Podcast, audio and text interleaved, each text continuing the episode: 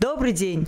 Сегодня в прямом эфире Wall Radio интервью со старшим пастором Церкви Слова Жизни Армения Артуром Симоняном. Сегодняшняя тема называется «Что произошло?». Здравствуйте! Привет, драгоценная как Маша. Вы? Слава Богу, нормально. Потому что, думаю, вряд ли в эти времена можно сказать, что кто-либо чувствует себя хорошо. Хорошо ты можешь чувствовать себя тогда, когда все общество чувствует себя хорошо. Но когда все общество переживает проблемы, надо быть глупцом, чтобы говорить, что у меня все хорошо. Но не считая все плохое хорошо.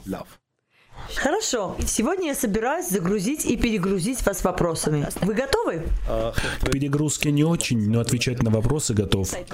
Я так и знала. Как видите, мы соблюдаем социальную дистанцию. Как вы относитесь к социальной дистанции?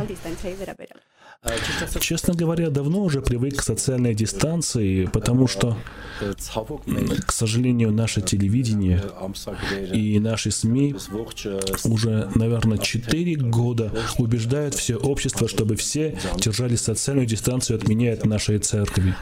Про меня снимают такие разные статьи и фильмы, но знаете, что меня больше всего удивило? Что ни один журналист не пришел спрашивать наше мнение, правду ли о нас пишут другие или нет. Я как-то привык к этому.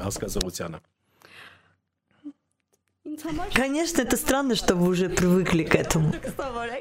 Потому что для нас это новость. Ну что ж, начнем. Начнем.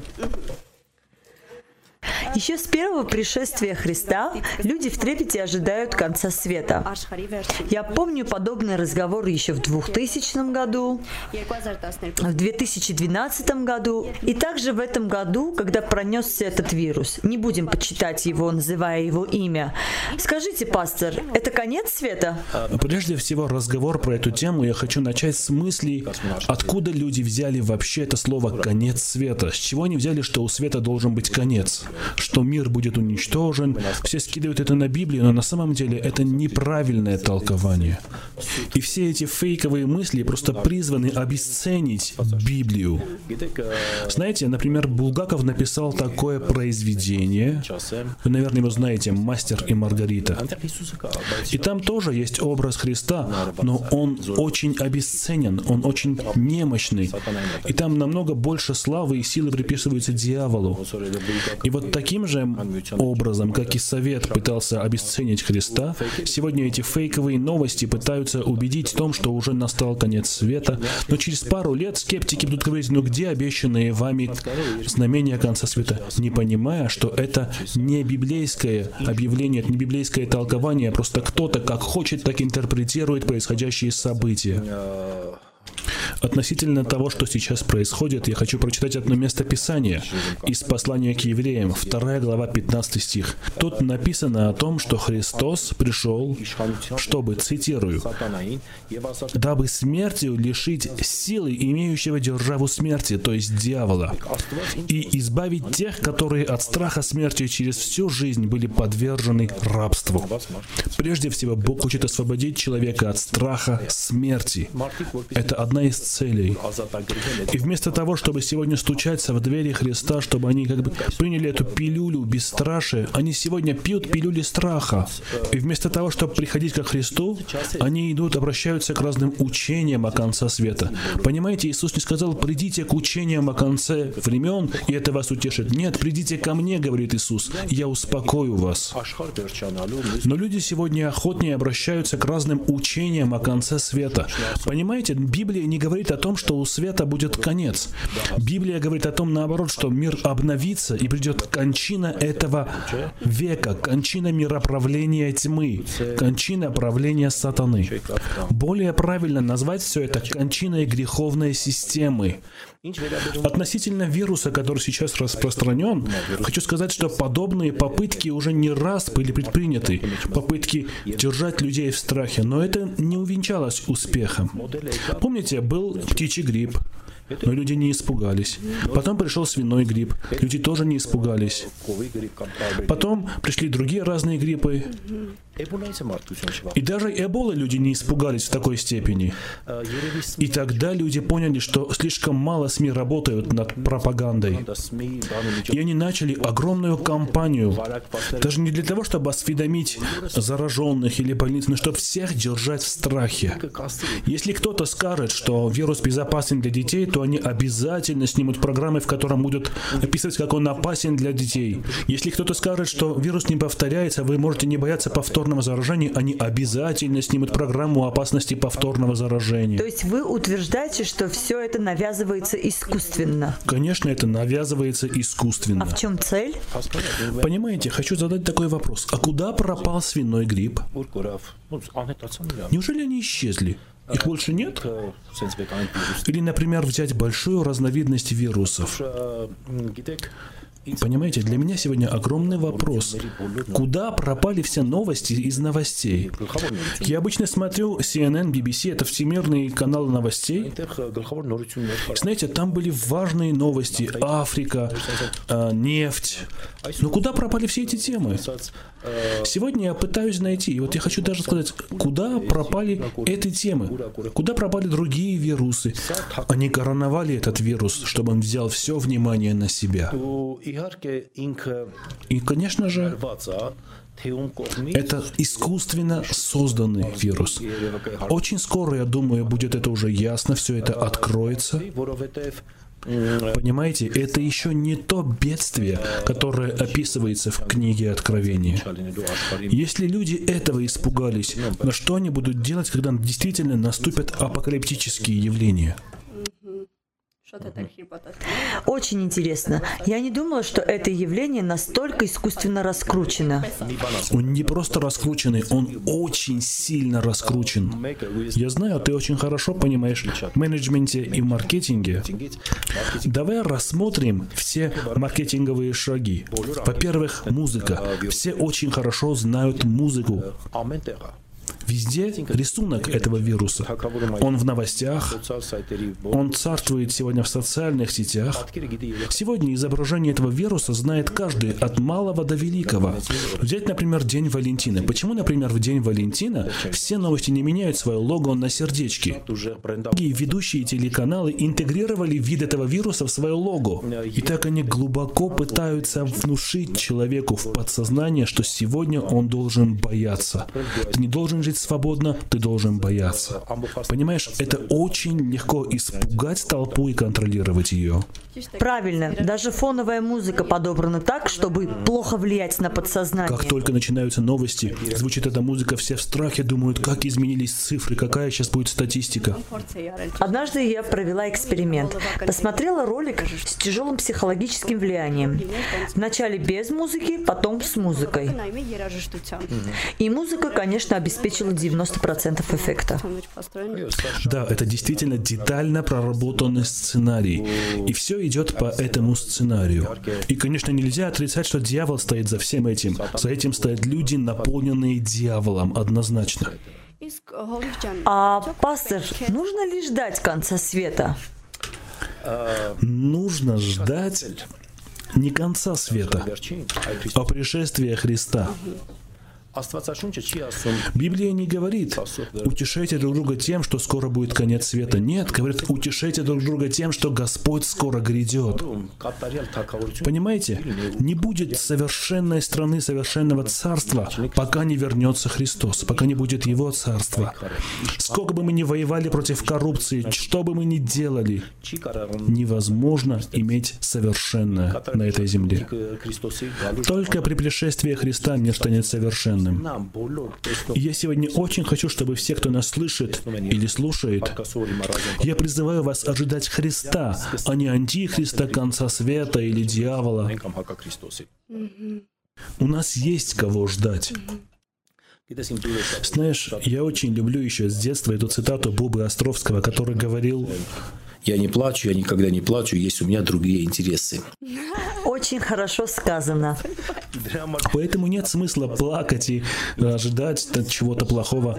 Измените свои ожидания. Я точно это не забуду. Это был очень интересный ответ. Хочу задать еще несколько вопросов, которые не имеют основания, но люди очень часто их задают. Говорят, что этот вирус передается по интернету, через мониторы. Разве такое возможно? Я сам не являюсь специалистом в области коммуникации или физики, но я обратился к соответствующим специалистам. Я хочу попросить всех слушателей, перестаньте посылать мне эти линки. Иногда мне начинает казаться, что всем нужно меня чем-то удивить и шокировать или открыть мои глаза на что-то шокирующее. Знаете, что общего у всех этих странных роликов? Всегда в конце автор просит подписаться и поставить лайки. Понимаете, все ищут корысти, пытаются пытаются нажиться на этой панике. Поэтому я прошу вас. Поэтому в свете обилия подобной информации я решил обратиться к специалисту. Я спросил, возможно ли с помощью 5G сетей распространять вирус. Он сказал, если возможно передавать вирус, значит можно также передавать кофе, значит можно даже телепортироваться. Понимаете, это нереально в данном случае. Подобные утверждения являются крайне дилетантскими. Тогда каким образом люди, сидя у себя в домах на карантине, заболевают? Понимаете, они не заражаются, так сказать, напрямую этим вирусом. Они болеют из-за самовнушения и страха. Они сами себе внушают, что они больны. И это происходит с ними. Если ты сейчас сам себе внушишь, что у тебя болит голова, она начнет болеть. Да, это так, и это происходит. Потому что и в Библии написано, что все, что человек поверит и с верою скажет, будет ему. Йов говорит очень интересное слово. Он говорит, чего я боялся, то постигло меня.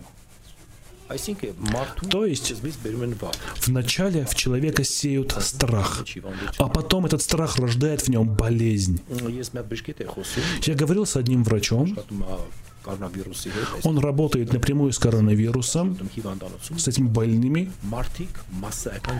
Понимаете, люди массово приходят в больницы. У них есть все симптомы коронавируса, их проверяют. Приходит отрицательный тест, все симптомы пропадают. Понимаете, это истерия. Разве это не нормально, что люди боятся, когда вокруг столько негативной информации, страха и паники? Людям разве не присуще бояться в таких ситуациях? Конечно, это логично, это по-человечески, что люди боятся. Именно поэтому я призываю спасать мир. Как мы сегодня можем спасти мир от всего этого? Есть два способа. Первое – это глобальное покаяние и пробуждение, обращение ко Христу. И второе тоже очень эффективно будет работать, если мы на три дня выключим все СМИ и интернет. И все спасутся. Замечательный вариант. Первый или второй? Первый и второй. Но первый логичный, а второй... Физически. Один интересный вопрос. Есть ли такая программа, по которой христианские лидеры могут ходить в больницы и молиться за тех людей, которые при смерти? У нас да, у нас есть подобная программа. Конечно, во-первых, мы четко держим все меры предосторожности, которые сегодня требуются. Мы понимаем, что сейчас чрезвычайная ситуация, и у нас есть и маски, и перчатки, но, к сожалению, нам не пускают входить в больницы. Но хотя бы благодаря интернету мы можем достигать этих людей. Конечно, я бы хотел, чтобы была возможность входить в больницы тоже, но мы ходим по по домам, молимся за людей. Каждый день наши пастора и я ходим по разным домам и молимся за людей. Конечно, есть некоторые служители, которые закрылись в своих домах и не выходят. Для меня это так же странно, как если бы врачи бы заперлись и сказали, мы не хотим лечить больных. Понимаете, какое мое отношение к жизни? Я над ней не дрожу. Если я в хорошие благоприятные времена проводил хорошее время с церковью, какое я право имею оставить церковь в эти сложные минуты? Если даже я должен заразиться и умереть, я не боюсь, потому что у меня есть вечная жизнь. Лучше я умру сражаясь, чем потом, после битвы, вылезу из укрытия, но буду видеть всегда в отражении зеркала труса. Я стараюсь жить так, что когда я смотрел свое отражение, единственное, что меня разочаровывало, это была моя старость, но не мои дела. Очень интересный ответ, потому что я уже начала волноваться о тех людях, которые находятся в тяжелых ситуациях и не могут пользоваться... У нас каждый день работает горячая линия. Если у вас есть вопросы, острые нужды, если вам нужна психологическая помощь, я даже поднял специальную команду психологов, мы готовы служить вам. Помимо психологической, вы можете получить духовную консультацию. Если у вас нечего есть, мы готовы доставить вам пищу. Конечно, мы не в силах накрыть для вас роскошный стол, но то, что вам необходимо для жизни, мы точно постараемся вам доставить. И наша горячая линия постоянно работает, очень активно. А это относится только к этому, ну, к чрезвычайному положению? Конечно, из-за, конечно, из-за кризисной ситуации.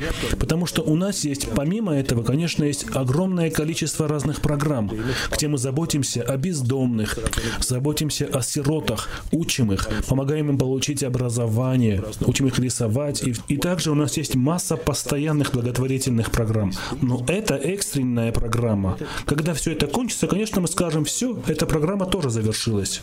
Но пока есть нужда, мы продолжаем действовать. Как хорошо, слава Богу. Пастор, такой интересный вопрос. В Библии есть много примеров, где Бог показывает своим верным служителям то, что должно произойти, потому что Бог знает прошлое, настоящее, будущее. Хочу знать, а вы были предупреждены? Вы знали, что будут такие вещи на планете?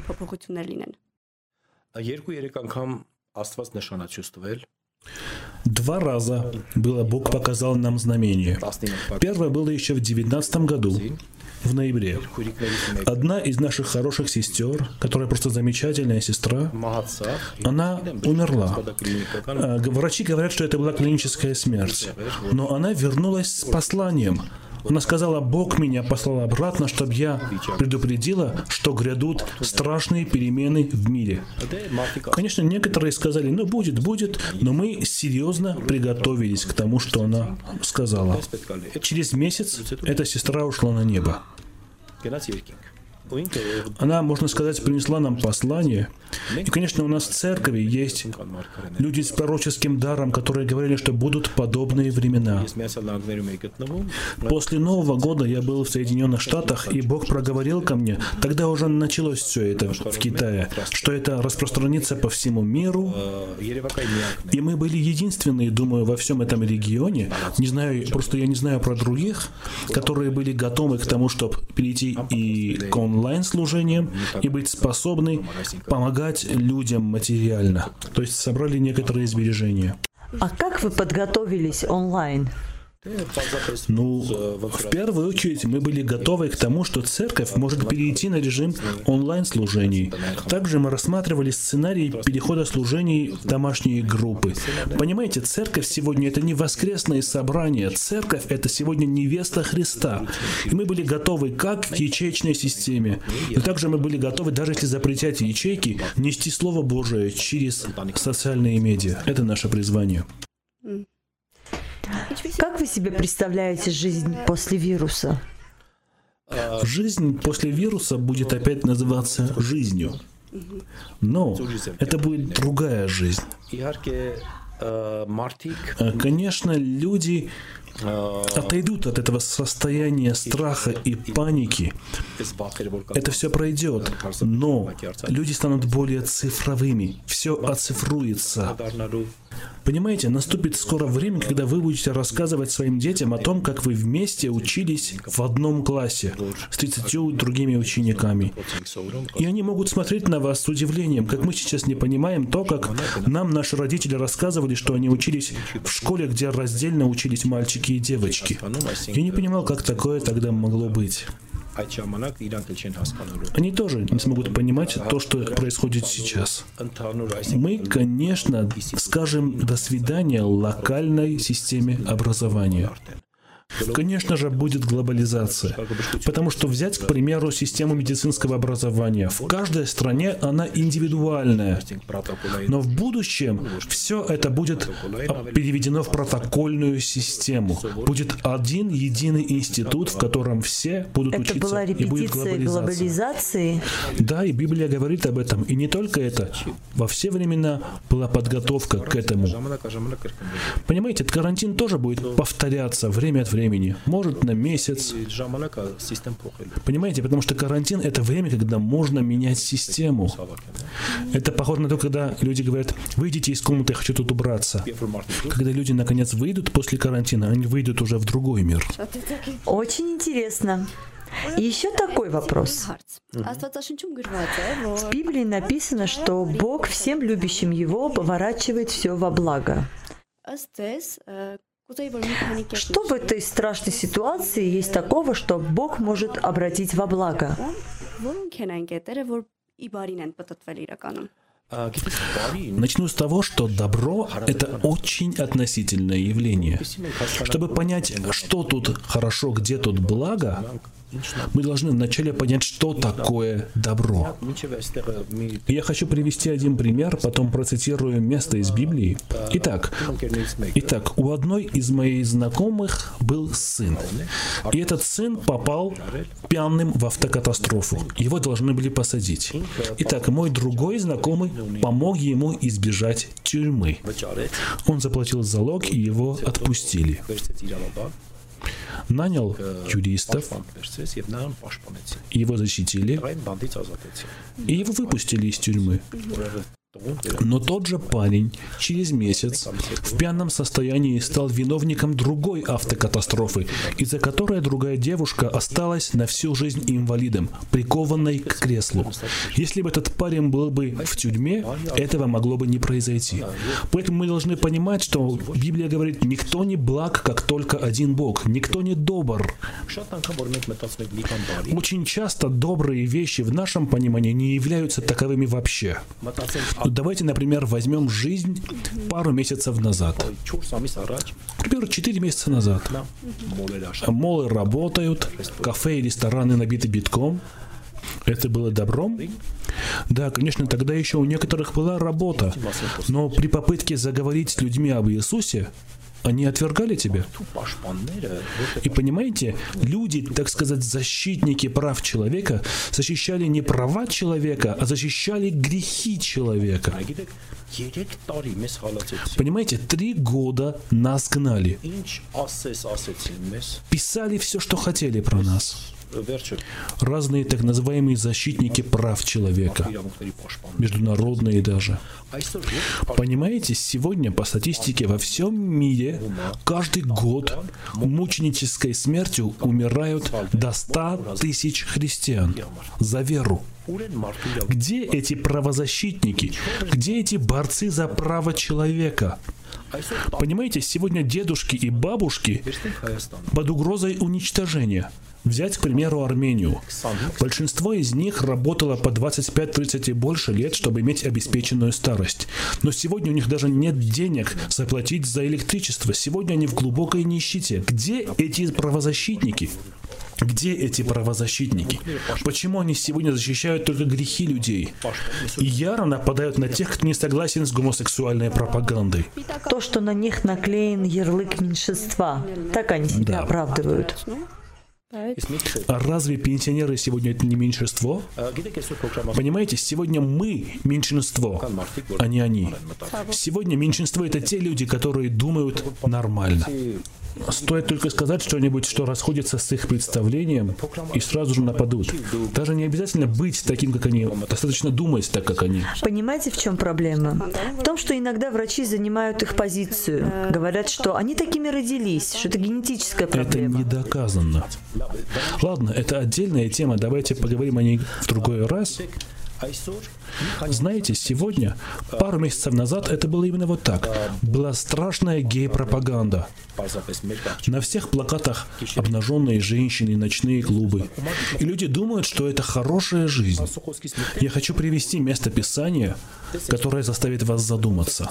Итак, это Псалом, 9 Псалом, 21 стих. «Наведи, Господи, страх на них, да знают народы, что человеки они». Интересно, что Давид молится и говорит, пусть поймут язычники, что они всего лишь люди. И знаешь, что хорошо во всем этом? Что люди поняли, что они всего лишь люди. Когда человек понимает, что он всего лишь человек, многое меняется. Интересная ситуация была в Египте. Не помню имя фараона, конкретно это был Эхнатон или кто. Фараоны строили свои статуи огромными, чтобы показать, что они боги. Но этот фараон решил построить свою статую размером в человеческий рост. И он понял, что он всего лишь человек. Когда человек понимает, что он человек, он понимает, что Бог есть Бог. И сегодня мир понял, что он человек. Взять, например, медицинскую систему. Это одна из самых атеистических систем в мире. Конечно, не в Армении, не до такой степени, потому что в Армении еще работает некоторое воспитание. Мы можем брать хорошее и отвергать плохое. Но мы были в Германии, и мы говорили с врачами о Боге, и они говорили, мы слишком развитые, чтобы верить в Бога. Потому что атеистические идеи очень сильно пропагандировались в этих сферах. Взять, например, полицию. Ты видишь, что сегодня полицейские на коленях молятся. Сегодня показывают кадры там, где врачи на коленях молятся. Или взять, к примеру, европейские площади, на которых я не раз бывал. Там было очень популярно, чтобы однополые пары целовались вместе. Или вульгарно просто э, лежа на асфальте ели что-нибудь. Понимаете, это было просто место триумфа цинизма. Сейчас на этих площадях люди на коленях молятся. Думаю, это и есть благо, потому что люди пересмотрели кое-что в своей жизни. Положили на весы настоящие ценности. Меня недавно потрясла одна публикация – в интернете. Не знаю, насколько она реальна или нет, но идея была очень интересной. Там было написано, что я был человек, который не признавал институт семьи. Я очень хорошо жил в жизнью одиночки. У меня были разные подружки, я гулял до вечера, но сейчас заперты в доме, даже мои подружки боятся прийти ко мне и общаться со мной.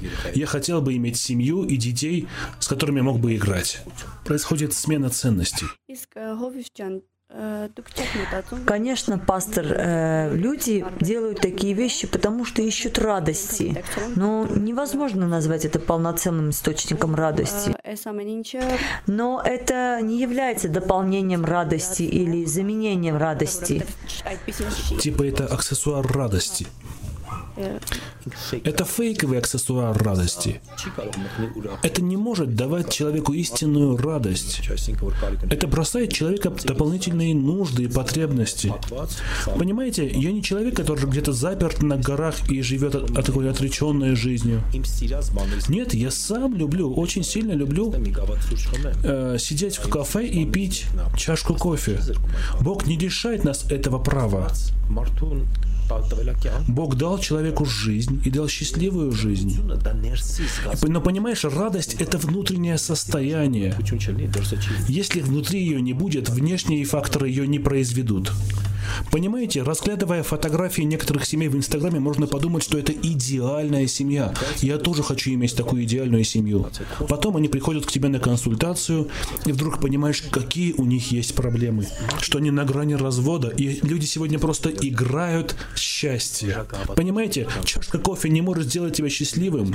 Можно ли сказать, что отсутствие чувства отверженности делает человека счастливым? Чувство самоутверждения. Люди сегодня хотят быть самоутверждены в чем-либо. Но, к сожалению, они не хотят утвердиться в своей профессии, в своей истинной сущности. Когда человек не понимает свою сущность, он будет обречен на как одиночество. человек может понять, в чем его истинная сущность? Понимаешь, в чем дело? Например, смотри, люди сегодня очень много играют роли. Например, я смотрю твой Инстаграм, и тебе очень сложно понять, потому что ты, например, спортсмен, ты модель, ты председатель жюри, спортивного жюри, потом ты акробат, потом ты танцор, потом ты очень серьезный человек, потом ты кокетница. Понимаешь, это все Маша, потому что это твоя натура, это твое естество. Но знаешь, в чем боль? Что десятки тысяч людей пытаются копировать тебя, но это не они. Правильно. Каждый человек должен найти себя. Это то же самое, если бы я, например, знаешь, если Бог создал меня сиренью, мне не нужно подражать розе. Мне нужно сохранить свой собственный аромат. Хорошо, то есть все происходящее благо, потому что Бог благ. Нельзя говорить, что эта ситуация на самом деле хорошая. Нет, мы просто говорим о том, что можно извлечь из этого хорошего. Как можно называть все это добром, когда люди умирают, когда люди страдают? Но понимаешь, мы пытаемся извлечь драгоценное оттуда. Ну, можно условно сказать, что это была... Есть что-то, что можно обратить ко благу. Некоторая тишина, в которой люди начали искать голоса Божьего. Да, с этой точки зрения это хорошо. Даже знаешь, вот изображение вируса, оно тоже ведь многогранное такое. С этой точки зрения это хорошо. Ладно, а как изменилась ваша жизнь в эти дни? Если сказать, что сильно изменился мой распорядок дня, нет. Просто сменилось место деятельности. Раньше это была сцена, сейчас дома людей. Понимаете, я пастор, я духовный человек, и для меня нет разницы, где я буду находиться. Раньше просто много находился в офисе, а сейчас моя машина и мой телефон стал моим новым офисом. У меня в машине есть много масок, перчаток, есть разрешение на передвижение во время комендантского часа. Есть спирт для дезинфекции. Все есть, чтобы я мог спокойно служить людям в эти времена. Я с утра до вечера служу людям, работаю. Поняла. Понимаете, мне не нужна платформа, я человек, который создает платформы. А как вы себе представляете толпу после первого дня выхода из карантина? Ты так интересно отметила слово «толпа» в своем вопросе. Да, я специально это отметила. Толпа? Толпа для меня похожа на всадника без головы. Куда поведет конь, туда он и пойдет, потому что у него нет головы. Бог создал человека индивидуальной личностью. Это похоже на то, когда ты возвращаешься домой голодный и думаешь, вот сейчас открою холодильник и всем все, что попадется мне на глаза. А потом думаешь, зачем я это сделал, какой я плохой. Думаю, будет нечто похожее. Кто-то в депрессии выбежит искать себе новую работу. Кто-то попытается наверстать упущенное. Кто-то выпьет 15 кружек капучино сразу же. Эм, одним словом, понимаете, у людей сегодня творческий застой. Но есть люди, которые в этой ситуации будут очень успешными. Ну, конечно, мы понимаем, что кризис неизбежен. Понимаете, это тоже очень сильная реклама для всей этой компании этого вируса, что скоро будет страшный финансовый кризис. Знаешь, сейчас замечательное время, чтобы люди могли подниматься. Скажу тебе кое-что сейчас. Думаю, ты об этом даже знаешь. Сегодня фактически в оборот выведено такое количество валюты, что такого не было еще ни разу. Например, Америка 2 то ли 3 триллиона пустила в оборот из Федерального резерва. Не знаю, сколько триллионов Европа выпустила, сколько Китай. Понимаете, сегодня Сегодня озеро стало океаном. Сегодня не время бояться, как ты сможешь купить свою пачку макарон в этот кризис. Нет, сегодня время думать о том, как можно построить мост к этому океану. Потому что сегодня фактически огромное количество денег пущено в оборот. Конечно, будет подорожание цен. Некоторые от страха будут очень дешево продавать свои квартиры, чтобы попытаться что-нибудь сделать. Но сегодня будет огромное количество денег денег, понимаете? Сейчас количество валюты, пущенной в оборот, не имело аналогов в истории. То есть нельзя сказать, что в зоне риска только богатые, либо только бедные. В зоне риска глупцы. Это я и хотела понять. Да, думаю, это прозвучало грубовато. Я не хочу никого оскорбить на самом деле. Но идея в том, чтобы мы не совершали глупости, движимые этой ситуацией. Понимаете, сегодня, если ты будешь биться головой о стенку, ты не сможешь быть творческим. Понимаешь, человек, который в страхе, он не может творить. Я хочу, чтобы эта паника, она отошла от нас. Как ты думаешь, среди этих 10 миллионов армян, которые есть. Неужели никто не может придумать вакцину? Я верю, что Бог дал нам благословенный творческий разум. Я не знаю, как это может быть на практике, но я, например, могу сказать, что как, например, открыли пенициллин. Возможно, человек просто смотрел на свою заплесневелую стену и не думал, что это может быть откровением, которое изменит весь мир. Взял и сделал из плесени открытие всей своей жизни. Я не знаю.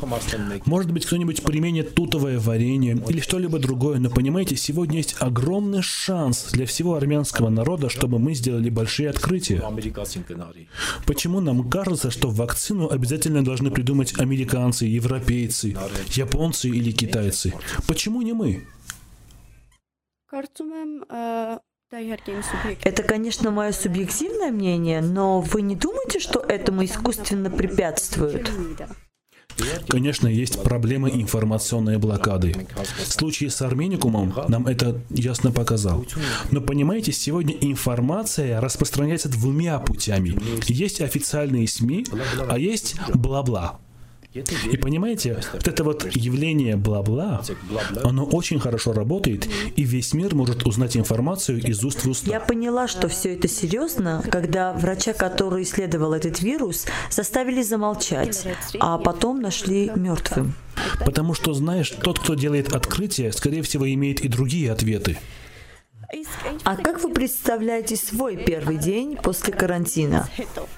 Я попрошу моих помощников, чтобы мне разрешили два дня отдохнуть дома. Хоть два дня сделать то, что сейчас делает весь мир. Да, я так и думала, что уже вы уйдете на карантин. Да, я уйду на карантин. Сейчас больше говорят об антихристе, чем о Христе. Может быть, потому что Христос, Он есть любовь, но люди не понимают силу этой любви, а антихриста не боятся. Помнишь, мы вначале говорили про Булгакова? То есть, что сделал Булгаков? На самом деле, он исполнял госзаказ, Хотя он не писал ничего нового, он просто взял идею от Гёта. Но что он сделал? Потому что люди, на самом деле, в России, в Украине очень набожны. Даже армяне тоже очень набожны. Если бы тогда бы ты бы сказал обычному крестьянину, работающему, что нет Бога, твои иконы, твоя вера ничто, они бы все бы вместе взбунтовались. Им это было не нужно. Сегодня не нужно отрицать Бога.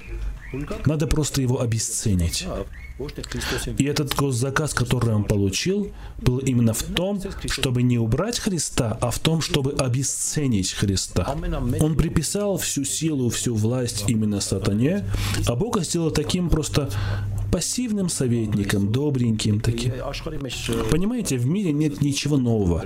И сегодня пытаются толкать ту же систему, ту же схему, которую пытался навязать Булгаков через свой роман «Мастер и Маргарита». То есть он пытался показать Бога слабым. Да, он вроде бы нас любит, он такой вот любящий, но беспомощный отец, и постоянно что обкрадывают его детей, и он ничего не в силах сделать. На самом деле это не так. На самом деле Бог сильный царь, и он силен сохранить свой народ. И, кстати, Помните, Бог является тем, перед кем трепещет Антихрист. Ладно, а для кого будет плохо пришествие Антихриста? Для христиан или... Для всего человечества. Понимаешь, правильные христиане, они не будут испытывать проблем, потому что сегодня Бог учит нас терпению. Только Библия учит нас действительно терпению. В Библии есть восхищение. Мы будем восхищены. И кому будет плохо? Будет плохо этому миру. И знаете, вот даже слово говорит, что люди будут искать смерти, но смерть убежит от них. Потому что это человеческий фактор, это не божественный фактор. Да, вы сказали, что люди будут искать смерть, но смерть убежит от них. Это заставило меня вспомнить одного ученого, который был атеистом и в конце жизни попросил, чтобы ему сделали смертельную инъекцию. Многие профессора и доктора восторгаются им, его жизнью. Но интересно, они, они не видят, как он завершил свою жизнь, что он искал смерть и не находил. Думаю, даже весь образ жизни этого человека был таким, что ему сложно было верить в Богу, потому что он почти всю жизнь общался через клавиатуру. И вы сказали про восхищение. Говоря об этом человеке, об этом англичанине, о котором ты говоришь, люди часто любят его цитировать, говорят, он говорил так, он говорил так, но вопрос в том, что никто его на самом Я деле всегда не слышал. удивляюсь, почему люди, прежде чем цитировать, не смотрят на начало и кончину жизни человека. Где гарантия, что это именно он говорил? А кто это тогда говорил? Потому что могли просто сделать из него марионетку и говорить от его имени все, что угодно. Например, сегодня был такой случай в нашей церкви. Выложила фотографию с гробом под своей статьей. И знаете, после этого сразу же удалили эту статью и фотографию из Фейсбука. Именно сам Фейсбук ее удалил, сказав, что подобные фотографии плохо влияют на моральное состояние пользователей. Тогда почему они сами целый день крутят и раскручивают видео и картинки с гробами умерших от коронавируса? Я даже склонен думать, что эти гробы пустые, и они каждый день крутят эти фотографии и видео в главных новостях в Европе, CNN, BBC. Понимаете, это сценарий. Одинокая пустая церковь, гробы и никого. И понимаете, я хорошо в этом понимаю, там ведется профессиональная съемка, профессиональное освещение. И эти кадры, и там нет ни родни, ни кого-либо. Или реально, если там лежат люди, они умерли от коронавируса. Или просто их положили туда. И были ли там вообще реальные люди? Вот я как раз хотела спросить, у вас есть знакомые, которые заражены этим вирусом? Да. Да, у меня есть знакомые, которые были заражены этим вирусом. Есть те, которые уже излечились, даже друзья. Я всегда с ними на связи. Они, конечно, не в Армении, они вне Армении. Сейчас у них даже нет температуры. Просто сейчас он изолирован в больнице. У него было двустороннее воспаление легких, и потом также нашли этот вирус. И что интересно, я не буду называть страну, но и знаете, его обследовали и сказали, у тебя нет этого вируса, у тебя просто воспаление легких. И у него было пять друзей, у всех были проблемы с легкими. Трое пошли в одну больницу, двое в другую. Те первые три просто прошли лечение от воспаления легких, а у тех двоих нашли этот новый вирус. И теперь я не знаю, они заразились в стенах этой больницы или были изначально больны. Те двое сказали, что у них прошло воспаление легких, а тот сказал, что ждет, пока пройдет период карантина. Они отдыхают. Не знаю, можно ли это назвать отдыхом или нет, потому что это более похоже на тюрьму. Понимаешь, они закрыты в одной комнате, в одной палате и только получают... Но, с другой стороны, у них там есть интернет, они смотрят на наши эфиры, в принципе. Потому что я поинтересовалась, и среди моих родных и знакомых нет больных, и среди знакомых знакомых тоже. И мне интересно, не является ли все это психологической проблемой? Сейчас все это так сильно перемешалось на самом деле. Только эксперты могут конкретно сказать, в чем состоит проблема, но с духовной точки зрения я могу сказать кое-что уверенно. Тот, кто знает Бога, тот получает мир и покой, потому что он ищет Бога. А не знающие Бога все глубже и глубже погружаются в депрессию. Вы сегодня говорили про восхищение, про Антихриста. И многие сегодня открывают и читают Библию, ну, книгу Откровений, и ничего не понимают. Да, к сожалению, это так, потому что, например, в Штатах первая книга, которая огромным тиражом разошлась после этого вируса, это была Библия. Не знаю, сколько миллионов экземпляров было продано, это, конечно, хорошо, но плохо то, что люди сразу же открывали книгу Откровения. Но невозможно понять книгу Откровения, не имея основоположных откровений Духа Святого. А чтобы их получить, надо читать Евангелие. Нельзя только, например, изучать только конец жизни человека. Чтобы узнать его полностью, надо узнать весь его путь, с начала до конца. И сегодня люди очень любят вырывать из контекста места Писания и говорить, смотрите, вот это, вот это означает. Знаете, вот в книге Данила написано о том, что великий князь Михаил будет в последних днях делать то-то и то-то, и во время коммунистов некоторые люди говорили, что я был в церкви, это была другая церковь, и все верующие говорили, великий князь Михаил — это Горбачев. И потом совет обрушился, и сказали, все, вот это и есть конец времен, все обрушилось. Но понимаешь, нет, человечество возродилось новым образом. Понимаешь, или Горбачев это вообще не архангел Михаил.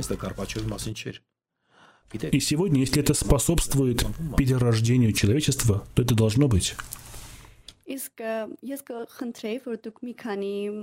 Я бы попросила вкратце для тех, кто читает и не понимает, объяснить последовательность, которая будет. Восхищение, антихрист – Думаю, эта тема требует отдельной целой программы, потому что это очень обширная тема. Но кое-что скажу, что на самом деле люди, ожидающие пришествия Антихриста, 666 и зверя, понимаете, все это так перемешалось, потому что есть явление Антихриста, а есть явление зверь. Вот зверь будет тот, кто будет ставить эти знаки. Антихрист просто тот, кто подготавливает путь для зверя. Но Библия говорит то, что и до сих пор было огромное количество антихристов. Всякий, кто не признает Христа, пришедшего во плоти, есть антихрист. У нас тоже есть огромное количество антихристов вокруг нас. Одну минуточку. Я найду это местописание в моей Библии. Там написано, что уже пришло немало антихристов. Я вчера думал об этом. Ладно, я найду. Вот. Это 1 Иоанна 2.18. Дети, последнее время. И как вы слышали, что придет Антихрист, и теперь появилось много Антихристов, то мы и познаем из того, что последнее время. В том же послании написано, кто не признает Христа, пришедшего во плоти, тот носитель духа Антихриста. До этого были Гитлер, Муссолини, был Нерон, был Ленин, Маркс. Это были люди, которые враждовали против Бога и хотели уничтожить человечество. Это были прообразы Антихриста. Также дух Антихриста проявлялся в литературе, например, Булгаков, Гёте. Были музыканты, которые восставали против Бога. Да и по сей день Голливуд полон режиссеров, которые снимают фильмы ужасов и неправильно исковерканно представляют образ Христа, заставляют отрекаться от Христа. Понимаете, все это действие Духа Антихриста. Это не новое. Если вы ждете чего-то нового, то это уже давно в действии. А конечное воплощение Антихриста в личность, которая сядет в Иерусалиме, будет царствовать, конечно, это время очень близко, но оно пока еще не наступило наступило. Однажды мы поговорим об этом обязательно. Не сегодня, потому что... Да, сейчас мы переживаем предзнаменовение, но не само это время Антихриста. Сейчас все друг другу дают советы. Книги, фильмы, песни. Что бы вы посоветовали всем? Новые профессии. Сидя дома, закрытые в карантине, найдите себе новую профессию. Мне кажется, что карантин продлится. Немножечко продлится, и потому что... Это мое субъективное мнение, конечно, я могу ошибаться, но когда уберут карантин и кто-нибудь заразится, то будет виновно правительство, а сейчас виновен тот, кто заразил. Понимая все это, я просто думаю, что его продлят. Конечно, я хочу ошибаться. Это та сфера, в которой я действительно хочу быть неправ. Понимаете, люди сегодня растрачивают свое время в интернете. Представляете, есть люди, которые в день по статистике просматривают более трех тысяч разных фотографий в Инстаграме. Они тупеют. Они Вы имеете тупеют. в виду органы чувств? Их восприятие черствеет. Понимаете, есть такое явление, которое называется эффект 17 минут. Что это такое? Если ты закроешь свою социальную сеть, Инстаграм или Фейсбук, из 17 минут просто будешь сидеть и думать, ты перепрограммируешься. И сегодня мы нуждаемся в этом. И нам нужно освободиться от зависимости от социальных сетей. Но, к сожалению, сегодня, особенно молодежь, не могут и шага ступить, не проверив ленту новостей в соцсетях или в Ютубе. Они становятся очень хорошо осведомлены в чужих жизнях, но теряют свои собственные. На самом деле за 10 дней можно научиться новой профессии. На самом деле это возможно. Но чем мы сегодня заняты, вы понимаете? Я человек, занятый день и ночь. Например, я работаю над своей новой книгой. Я не хочу показывать мой весь день на всеобщее обозрение. Я так как человек, который любит кулинарию, изучаю новые рецепты. Я выйду из карантина более хорошим поваром. Могу выйти более хорошим автором. Вы уже замечательный повар, и я имела честь продегустировать. Конечно, кулинария это не моя профессия, но это мое любимое хобби. И думаю, если бы я не был бы пастором, я был бы поваром. Я был бы либо в бизнесе, либо... Ну ладно, это отдельная история. Но я постоянно развиваюсь в этом. Мне очень интересно изучать кулинарию разных веков, кулинарию разных народов, или находить новые способы приготовления мяса. Свободное время я использую на саморазвитие. И сегодня я советую найти новую профессию, потому что мир меняется, есть профессии, которые больше не будут работать. Потому что все становится цифровым, и человек должен, и человек должен найти себя в этой новой цифровой компьютерной площадке, возможно, даже используя свою старую профессию. Творческое мышление. Чтобы развить в себе креативное мышление, творческое начало, надо на пару дней выключить интернет. Правильно. Вы понимаете, есть такое явление, которое называется прессинг. Например, если поставить под пресс орех, он расколется. Но если поставить под пресс оливковую косточку, Помните, Иисус говорил еще в Гефциманском саду. Кстати, сегодня именно этот день, Страстная Пятница. И знаете, сам Гефсиманский сад – это сад, где под прессами производили масло, оливковое масло. Когда сильно давишь на косточку оливковую, из нее выходит масло. И сегодня мы не должны бояться прессинг на наш разум. Понимаешь, сегодня люди учат тому, что когда тебе сложно или когда ты в кризисном состоянии, выпьете что-нибудь расслабляющее или используете марихуану. На самом деле наоборот, я советую, не бойтесь прессинга. Прессинг делает вас креативным. Я очень благодарна вам за то, что вы ответили на все вопросы. И хотела бы попросить вас, чтобы вы помолились за всех, особенно за тех, кто сегодня нас слышит в первый раз, чтобы они нашли утешение и надежду. Обязательно, если вопросов больше нет, будем молиться. Конечно, мои вопросы безграничны, но время эфира ограничено, так что Отец Небесный, во имя Иисуса Христа я молюсь. Я молюсь за каждого человека, кто смотрит или слушает нас. И я молюсь, чтобы эта программа стала причиной того, чтобы люди открыли свои духовные уши и стали способны слышать Твой голос в своем сердце и в своем духе. Я молюсь за всех, кто сейчас в страхе, чтобы они освободились, чтобы больные исцелились, и чтобы люди сокрушенные получили исцеление. Благослови каждого. Аминь. Аминь. Огромное спасибо, драгоценный пастор, что пришли к нам и ответили на наши Я вопросы. тоже благодарен за замечательное приглашение. Надеюсь, мы скоро увидимся. Итак, нашим гостем сегодня был пастор Церкви Слова Жизни Армения Артур Симонян. И я говорю вам до свидания, увидимся.